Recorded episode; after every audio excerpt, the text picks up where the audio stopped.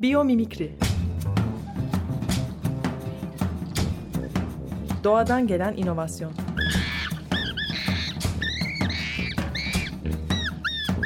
Hazırlayan ve sunan Zeynep Arhon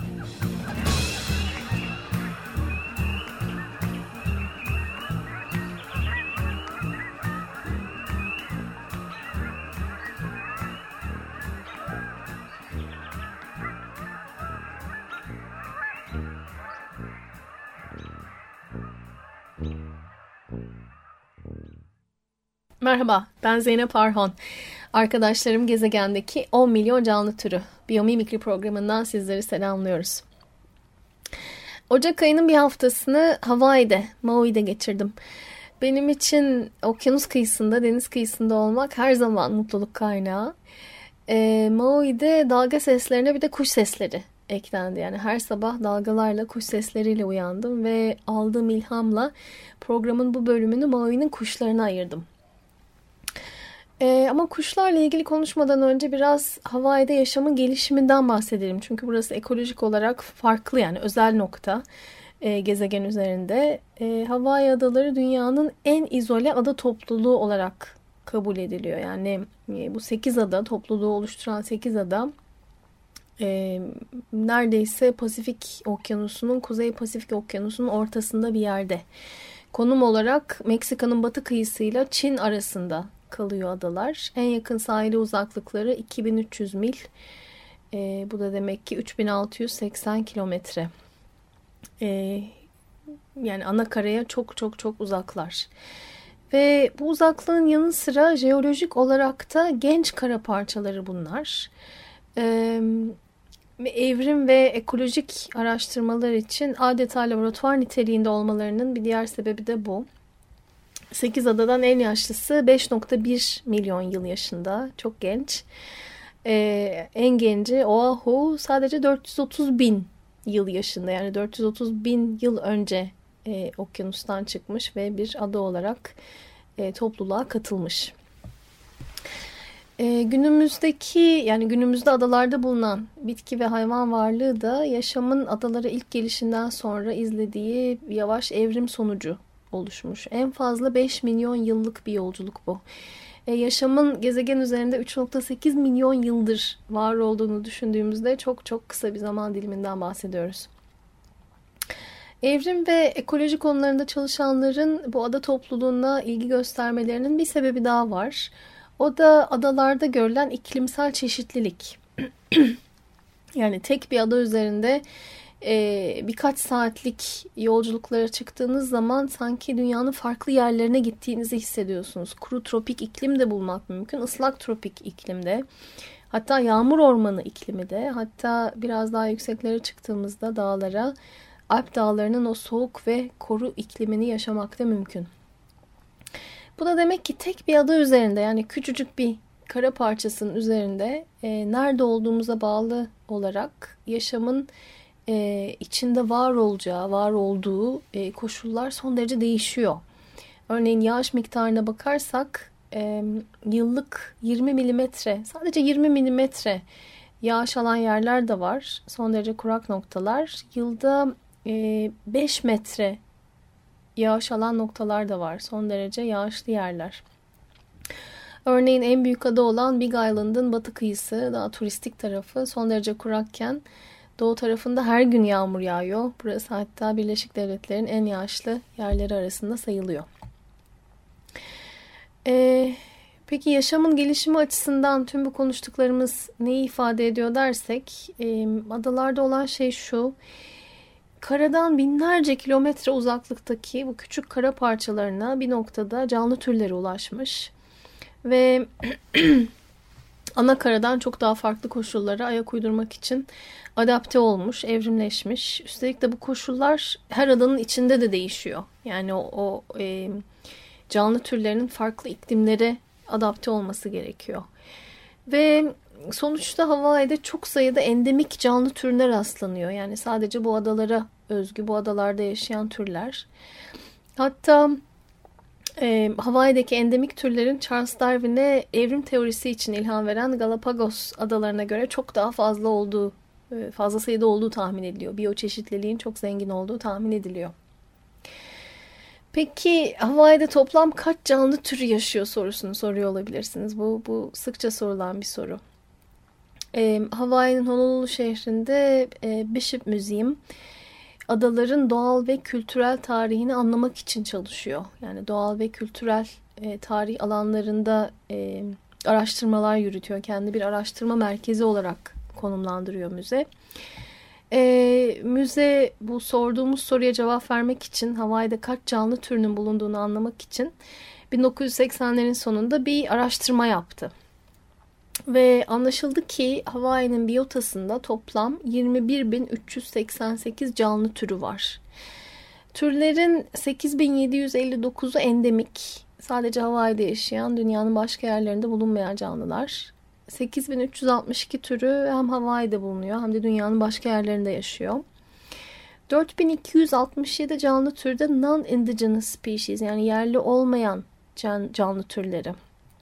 Ee, bunlar bunlar e, Hawaii'nin biyotasının doğal parçası değil. Yani o, o adaların e, doğasının e, parçası değil aslında. Fakat tarihin bir noktasında Hawaii'ye taşınmış türler.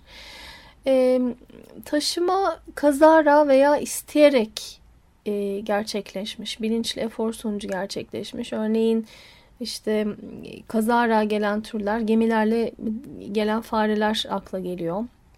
Bilinçli efor sonucu gelen türler arasında evcil hayvanlar sayılıyor. E, tarımda yürütülen biyolojik kontrol projeleri kapsamında da aynı şekilde türler adalara taşınmış ve e, o, o adaların doğasının bir parçası haline gelmiş. E, Maui'de sabahları sesleriyle uyandığım her iki kuş da Hawaii'ye sonradan getirilmiş kuş türleri. Yani bu bahsettiğimiz yerli olmayan canlı türleri arasında sayılıyor. Kuş türlerinden bir tanesi Mina. E, orta büyüklükte hareketleri kargayı andıran bir kuş bu. E, gövdesi ve kafası koyu kahverengi ama gözlerin etrafı ve ayakları parlak sarı. Zaten ilk baktığınızda da o parlak sarılık e, göze çarpıyor. Bir de kanatlarının ve kuyruğunun ucu beyaz. Uçarken de bu beyazlık göze çarpıyor. E, kargaya benzetmemin sebebi galiba e, ayaklarının yani o bacaklarının çok güçlü olması ve karga gibi hareket etmesi, karga gibi karga gibi yürümesi, koşması, e, karga gibi insanlardan çekinmemesi. E, plajlarda insan topluluklarının etrafında yiyecek ararken o işte iki yana sallanan, e, hızlıca yürüyen, koşan e, mina kuşlarını görmek mümkün. Mina Hawaii Hindistan'dan evcil hayvan olarak getirilmiş dilimizde konuşan karga takma adıyla biliniyor. E, konuşması için dilinin kesildiğini hatta bu uygulamanın uygulamanın 1960'lara kadar devam ettiğini duydum. Bu, bu tabii çok tüyler ürpertici. İkinci kuşun e, İngilizce adı Grey Francolin. Türkiye'de turaç, çil kuşu, çil keklik olarak biliniyor. E, bu kuş sülüngiller familyasına ait. E, kahverenginin farklı tonlarından oluşuyor. Bej, kahverengi, e, koyu kahve, kızıl kahve. Ve e, bu renkler kuşun kuru toprak zeminde e, kamufle olmasını kolaylaştırıyor. Yani fark etmek kuşu zor. E, kamuflaj kuşun hayatta kalması için son derece önemli. Çünkü genelde yerde yürüyerek veya koşarak hareket ediyor e, çilkeklik e, iyi uçucu değil. Kısa mesafeleri uçuyor sadece. Orta büyüklükte. Erkekleri 29-34 santim arasında, dişileri 26-30 santim boyutlarında. Ee, ana vatanı Güney Asya'nın kurak bölgeleri. Ee, Hindistan'da, Pakistan'da hatta Orta Doğu'da yüzlerce yıl önce evcilleştirilmiş. Evcilleştirildiğinde kuşun neredeyse köpek kadar sadık ve insancıl olduğu kayıtlara geçmiş kuş. Onunla ün salmış fakat etinin lezzeti de ünlü. E, Hawaii'de 1950'lerde av kuşu olarak getirilmiş. Yani avlanmak için getirilmiş. E, 8 adanın altısına yayılmış. Yani 8 adanın altısında adaların daha çok kuru taraflarında kuşu bulmak mümkün. Şimdi e, sabah kaydettiğim kuş seslerini sizinle paylaşacağım. Arkada dalga sesleri de var biraz fazla çıkıyor ama e, bahsettiğim her iki kuşun da sesini duyabilirsiniz. Daha gür çıkan Mina kuşunun sesi, çilkekliğin sesi biraz arkada kalıyor.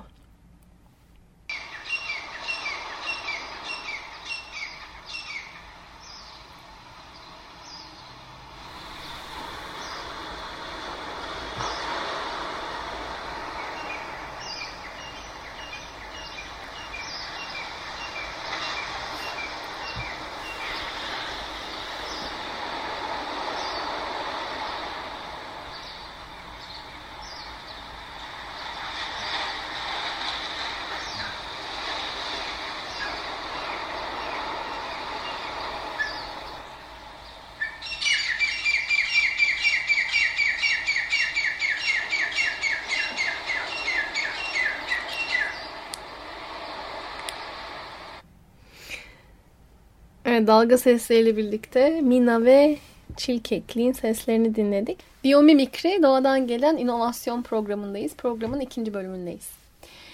İlk bölümde Hawaii adalarının doğasıyla ilgili konuşmaya başladık. Bu adalar üzerinde yaşamın nasıl geliştiğinden bahsettik. Özellikle de kuşlara odaklandık. Ee, ilk bölümün sonunda Maui'de kaydettiğim kuş seslerini sizinle paylaştım. Ne yazık ki Hawaii adalarında artık sesleri duyulmayan birçok kuş türü var.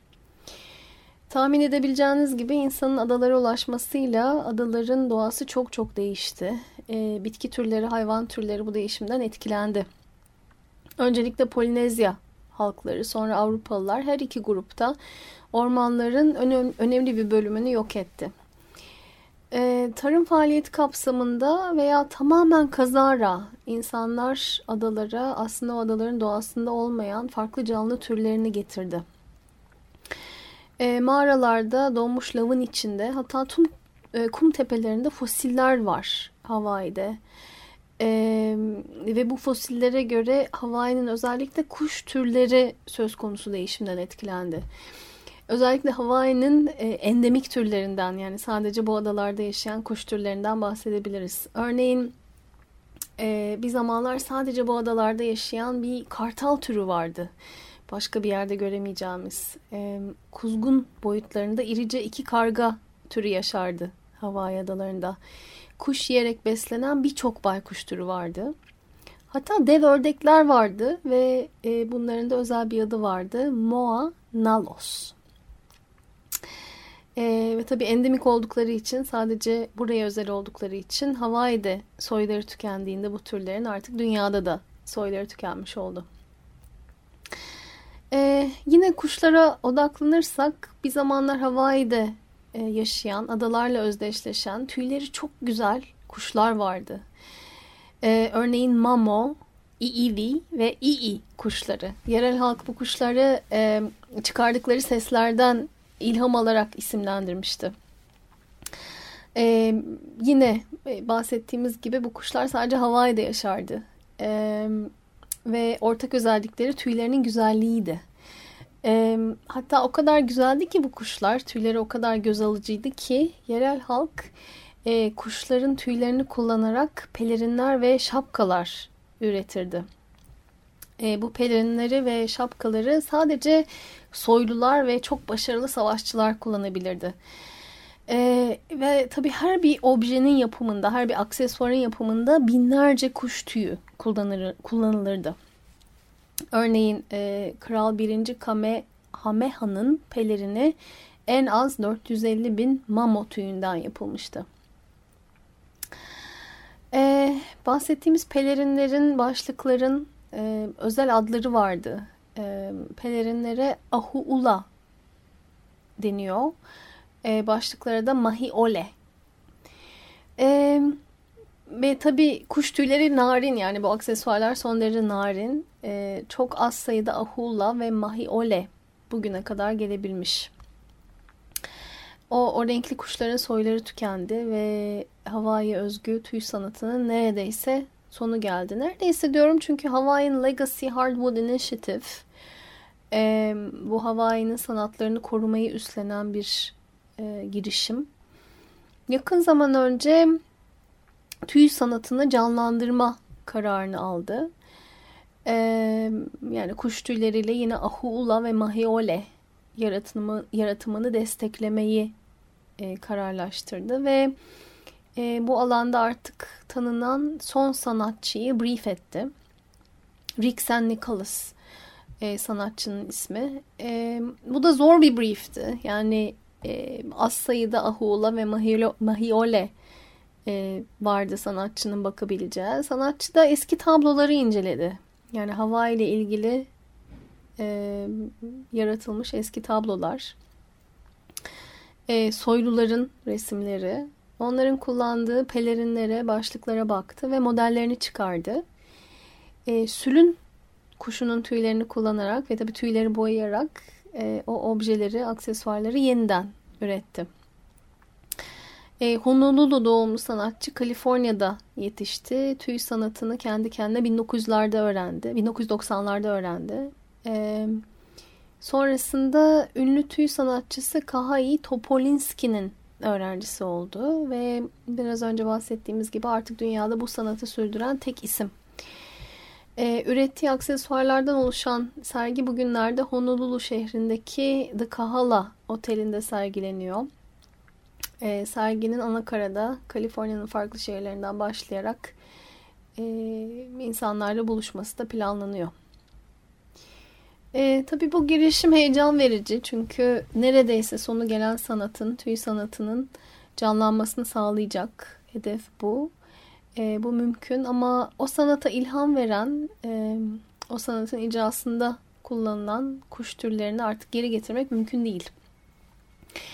E, ve bugün artık sadece kuş türleri değil, Hawaii adalarında kalan adalara özgün bitkilerin ve hayvanların birçoğu tehdit altında. Örneğin e, adalardaki 2690 bitki türünden 800'ü risk altında. Ve tabii bitkilerle hayvanlar da çok sıkı bağ içinde yani bitkilerin risk altında olması hayvanların da aynı riski taşıması anlamına geliyor. Yine kuşlara dönersek, kuşlardan konuşursak e, kuşların sonu nasıl gelmiş? Kuş e, bu, bu tüy sanatında kullanılan kuşların biraz ona bakalım. Ee, İyi kuşu parlak sarı ve siyah tüyleriyle ünlü. Ee, İyi Avrupalılar Hawaii adalarına ulaştığında zaten epeyce azalmış. Yani nüfusu azalmış. Ee, çünkü yerel halk bahsettiğimiz pelerinleri ve başlıkları yapmak için e, kuşu uzun süredir avlıyormuş zaten. Ee, ve Avrupalıların kuşun güzelliğini fark etmesi de tabii ki uzun sürmemiş. Onlar da kişisel koleksiyonlarına katmak için kuşu öldürmüşler. Ee, iyi kuşu kapatıldığında sadece birkaç gün kafeste hayatta kalabiliyormuş, ölüyormuş. Ama yine de yakalayıp e, kafeslerde hapsetmek, sergilemek, o birkaç gün e, güzelliğinin tadına varmak için e, avlanmış. Ve İyi son kez 1934 yılında Mauna Loa e, yanardağın eteklerinde görülmüş. 1934'ten sonra da artık bir daha görülmemiş. Mamo kuşunun hikayesi de iyiye benziyor.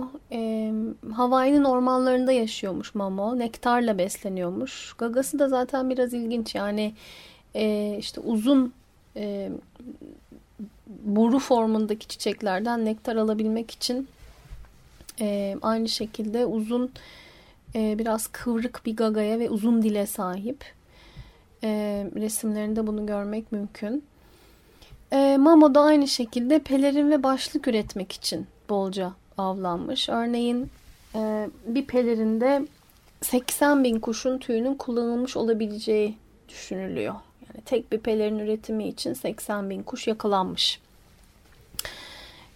Kuşlara yolunduktan sonra ne olduğu çok net değil. Şöyle e, kuşlardan özellikle sarı tüy için faydalanılmış ama kuşun vücudunun küçük bir bölümü sarı tüylerden oluşuyor.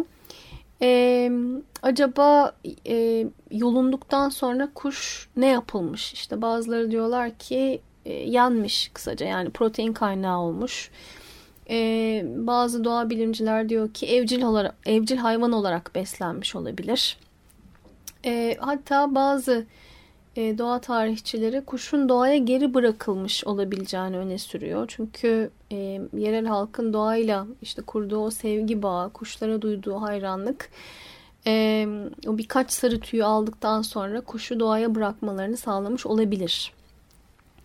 Fakat öyle olsa bile kısmen, kısmen yolunmuş olan kuşun tabii enfeksiyona açık olacağı yani yaşadığı o, o şoktan kolay kolay çıkamayacağı yaşama şansının düşük olduğu e, öne sürülüyor.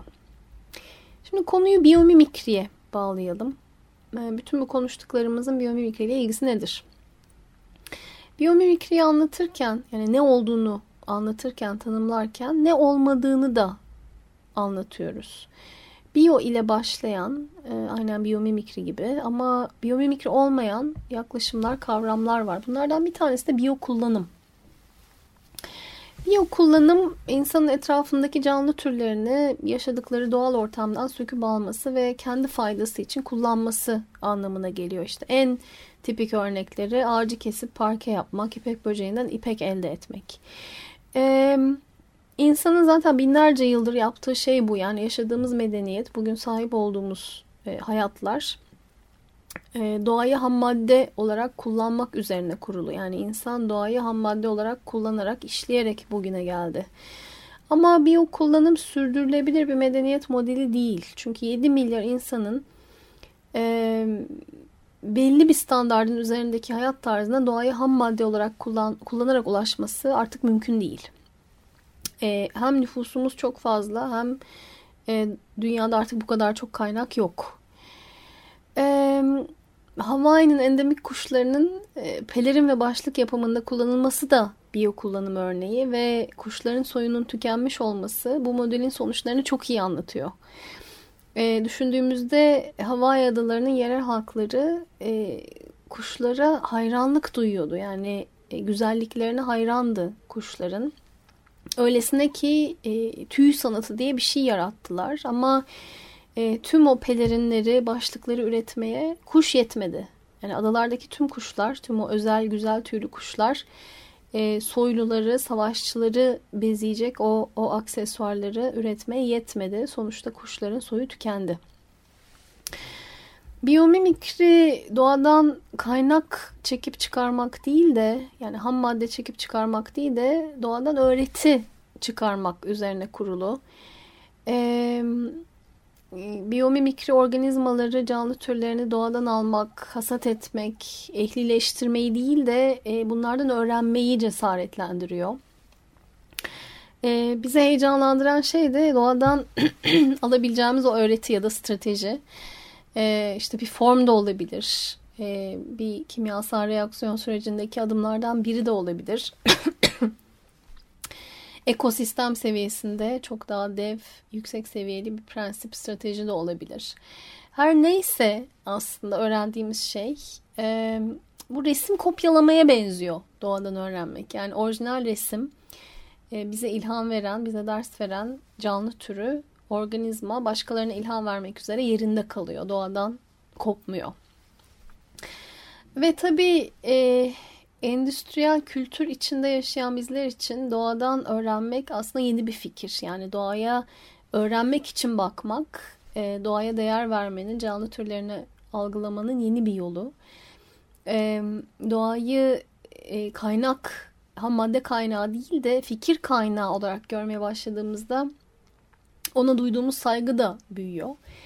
Ee, ve daha çok insanın biyomimikri alanında çalışma, çalışmasıyla birlikte aslında e, biyoçeşitliliği korumanın önemi de daha iyi anlaşılıyor.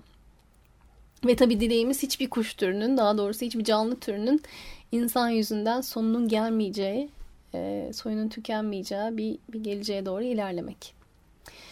Biyomimikri programı için ayrılan sürenin bu hafta da sonuna geldik. Programı her çarşamba günü saat 2'de Açık Radyo'da bulabilirsiniz. Tekrar buluşana dek doğayla kalın. Biyomimikri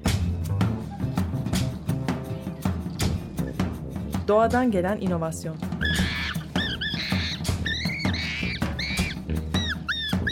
Hazırlayan ve sunan Zeynep Arhon